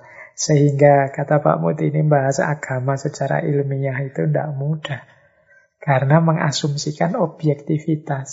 Sementara pemeluk agama itu lebih terikat emosinya. Beda dengan kita membahas alam, membahas uh, suhu udara, membahas kerusakan cuaca global. Itu kan ya kita santai saja secara objektif. Tapi begitu masuk isu agama, oh, kita harus sangat hati-hati karena kita tahu semua orang mesti membaca wawasan agama itu yang maju duluan emosinya. Meskipun sudah ditegaskan ini dalam rangka belajar, kalau memang ada yang salah diingatkan saja. Kita saling membantu menambah data, membantu menganalisis, membantu meluruskan kalau ada analisis yang keliru. Tapi ya sulit begitu ada orang salah ya kita langsung menghantam habis-habisan. Seolah-olah ini orang sesat, orang merusak, orang... Nah ini mari, ini tantangan memang kata Pak Mukti untuk memahami agama secara ilmiah. Yang kedua, orang itu biasanya memahami sesuatu selalu dengan asumsi-asumsinya atau konsep-konsep yang sudah dia yakini sebelumnya. Inilah nanti yang kadang juga jadi sandungan. Sama-sama membaca agama A misalnya, nanti mungkin orang yang beda asumsi, misalnya asumsi atau konsep dari aliran A atau madhab A itu berbeda dengan orang yang dari aliran B dengan madhab B. Oh itu hasilnya bisa beda-beda. Sebanyak itu aliran mungkin sebanyak itu juga asumsi. Wah ini tantangan bagi metode ilmiah. Metode ilmiah itu inginnya pasti-pasti. Inginnya datanya konkret, jelas. Itu begitu masuk makna, begitu masuk keragaman asumsi ini, wah ini kita mungkin jadi bingung. Misalnya kita mau meneliti Islam yang benar. Oh, begitu kita cek, lo Islam yang benar itu yang seperti apa? Apa madhab ini, aliran ini? Tafsirnya macam-macam sekali. Nah, ini namanya tantangan. Ya ini tantangan yang harus ditaklukkan pastinya. Nah, tantangan yang ketiga, kata Pak Mukti, orang memahami agama itu punya kecenderungan apologis dan polemis. Jadi kecenderungan apologis dan polemis itu orang itu cenderung apologi. Apologi itu pokoknya pendapatku mesti benar, mesti baik, mesti cocok. Apologi itu kan begitu. Orang itu kalau sudah apologi tidak bisa diajak diskusi. Logikanya pokoknya pokoknya. Jadi begitu kita memahami agama, memahami agama itu kan mengungkap mana yang benar, mana yang cocok, mana yang sesuai dari agama. Ah, itu biasanya yang muncul apologi-apologi dan polemis. Polemis itu ya mudah sekali melahirkan polemik karena saking banyaknya perspektif-perspektif tentang agama. Makanya membahas agama itu penuh jebakan. Selain emosi tadi, perspektif yang beragam, juga apologi-apologi dan polemik-polemik yang setiap saat menantang kita. Ya karena memang seperti saya jelaskan tadi, orang beragama punya kecenderungan emosional yang kuat. Jadi isunya isu sensitif. Nah ini tantangan. Maksudnya Pak Mukti, bisa ndak sih kita itu memahami agama dengan pikiran yang terbuka, dengan hati yang dingin, dengan semangat kebersamaan, saling memahami, saling mendukung, saling menguatkan. Tidak dengan model apologis dan polemis. Jadi sehingga ketika dialog-dialog, pertemuan-pertemuan antara agama misalnya terjadi ya, yang lahir adalah kesaling fahaman. Bukan lagi saling menjatuhkan. Dan egoisme serta emosi yang mengedepan. Baik, ini bahasa saya tantangan ya. Bisa ndak sih kita menyelesaikan PR ini? Karena sering sekali muncul masalah dalam kehidupan berbangsa dan bernegara kita itu dari ranah ini. Ketika soal semacam ini muncul terus-menerus berarti memang kita belum bisa menyelesaikan PR besar kita ini. Seperti yang saya bilang ya, gagasan-gagasan tokoh-tokoh kita dari masa lalu itu rasanya kok tetap relevan sih dengan masa kini. Itu bisa berarti memang gagasannya yang luar biasa atau jangan-jangan memang kita belum pernah bergerak menjadi lebih baik. Problem kita masih itu-itu saja. Kita tidak lebih baik dari dulu. Kalau teman-teman mungkin malam ini merasa, iya Pak, pikirannya Pak Muktiali itu kok cocok ya dengan kondisi kita sekarang. Mungkin sejak zaman Pak Muktiali sampai hari ini kita ini belum beranjak, belum berubah cara berpikir kita dan cara hidup kita antar agama. Sehingga lagi-lagi ya problem semacam ini yang kita hadapi. Baik, saya lanjutkan. Nah, oleh karena itu Pak Mukti Ali di salah satu buku beliau eh, menyarankan bagi orang-orang yang berminat untuk melakukan kajian atau penelitian terhadap agama-agama, ada beberapa syarat yang harus dipenuhi. Jadi ada beberapa kriteria ideal seorang peneliti agama. Yang pertama apa? Ini menarik. Syarat pertama menurut Pak Mukti, peneliti agama itu harus orang yang beragama. Jadi ini penting. Yang tidak punya agama sulit akan memahami fenomena agama-agama. Karena agama-agama itu bukan objek materi yang bisa diakses oleh panca indera. Dia fokus pada batin, penghayatan, dan pengalaman keagamaan.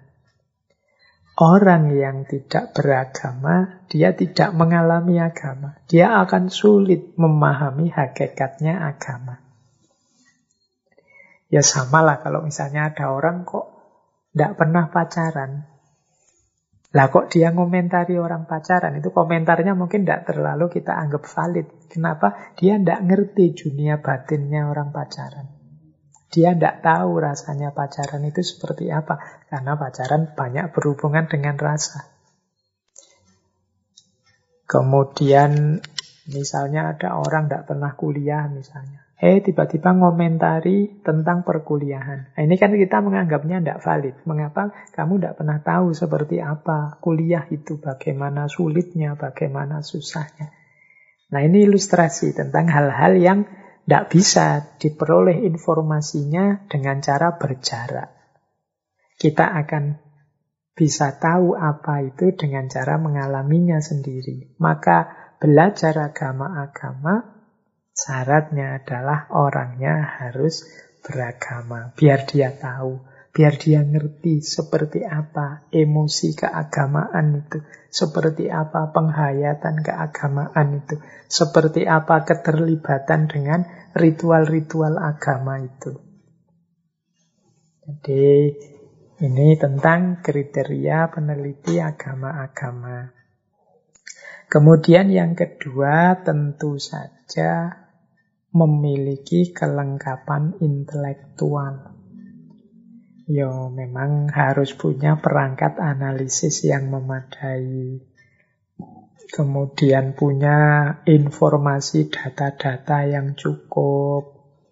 Mengerti dan menguasai bahasa agama yang akan diteliti Misalnya meneliti agama Islam, wong referensinya sebagian besar dalam bahasa Arab, yo harusnya ngerti tentang bahasa Arab. Ngerti informasi-informasi tentang agama itu, mana yang primer, mana yang sekunder, dan lain sebagainya.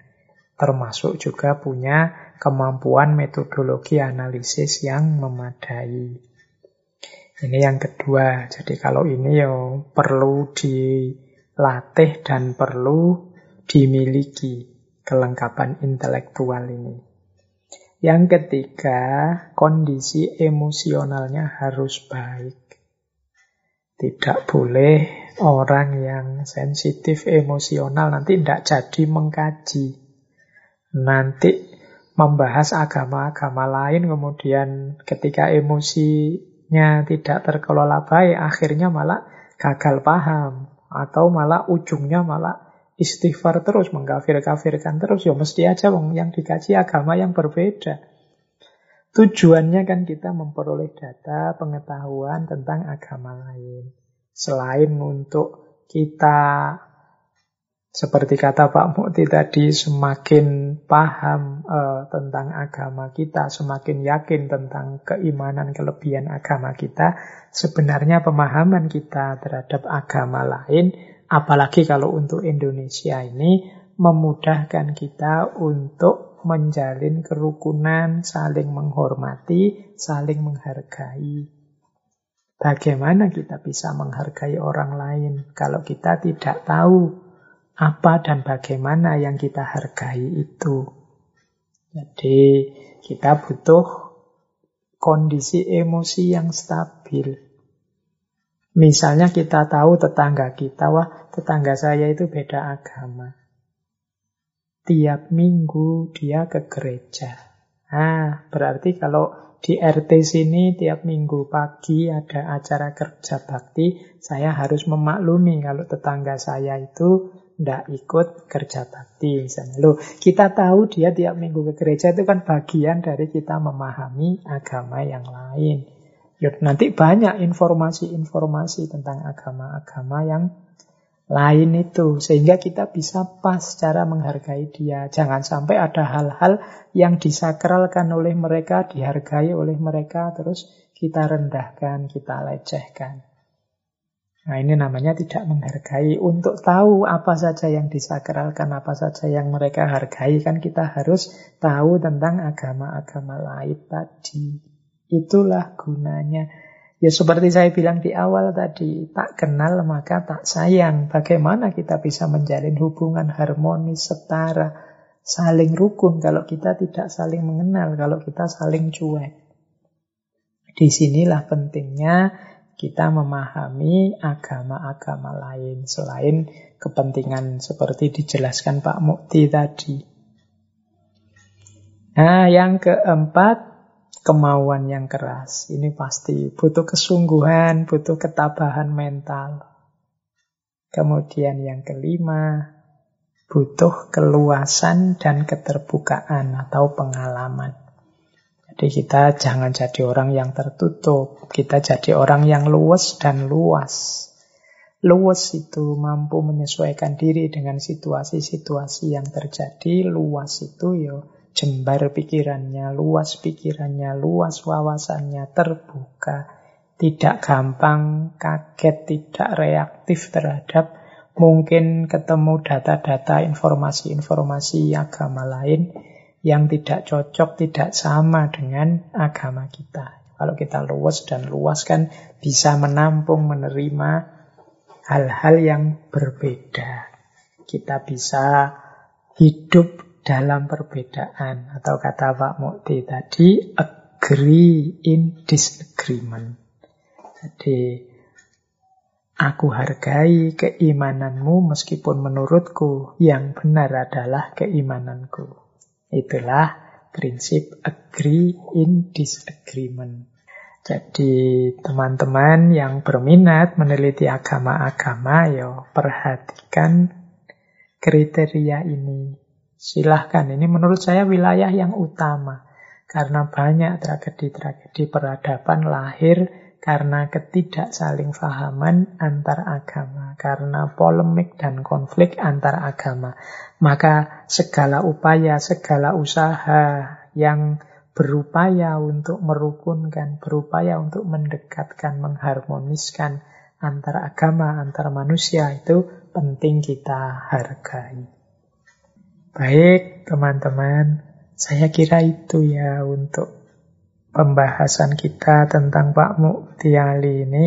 mohon maaf sebenarnya masih panjang tentang ilmu perbandingan agama ini.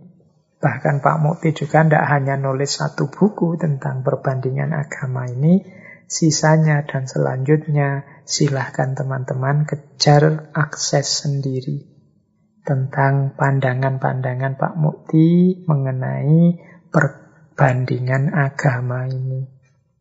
Karena beliau salah satu aset kita, salah satu tokoh besar kita yang tentunya penting kita lanjutkan ideal-ideal dan upaya-upaya yang sudah beliau rintis.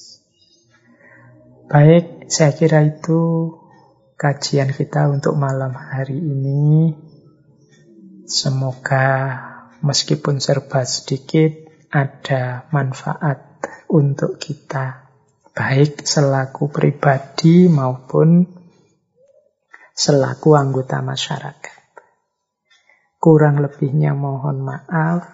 Insya Allah kita lanjutkan kajian kita bulan depan mungkin dengan tema yang berbeda biar teman-teman tidak bosan.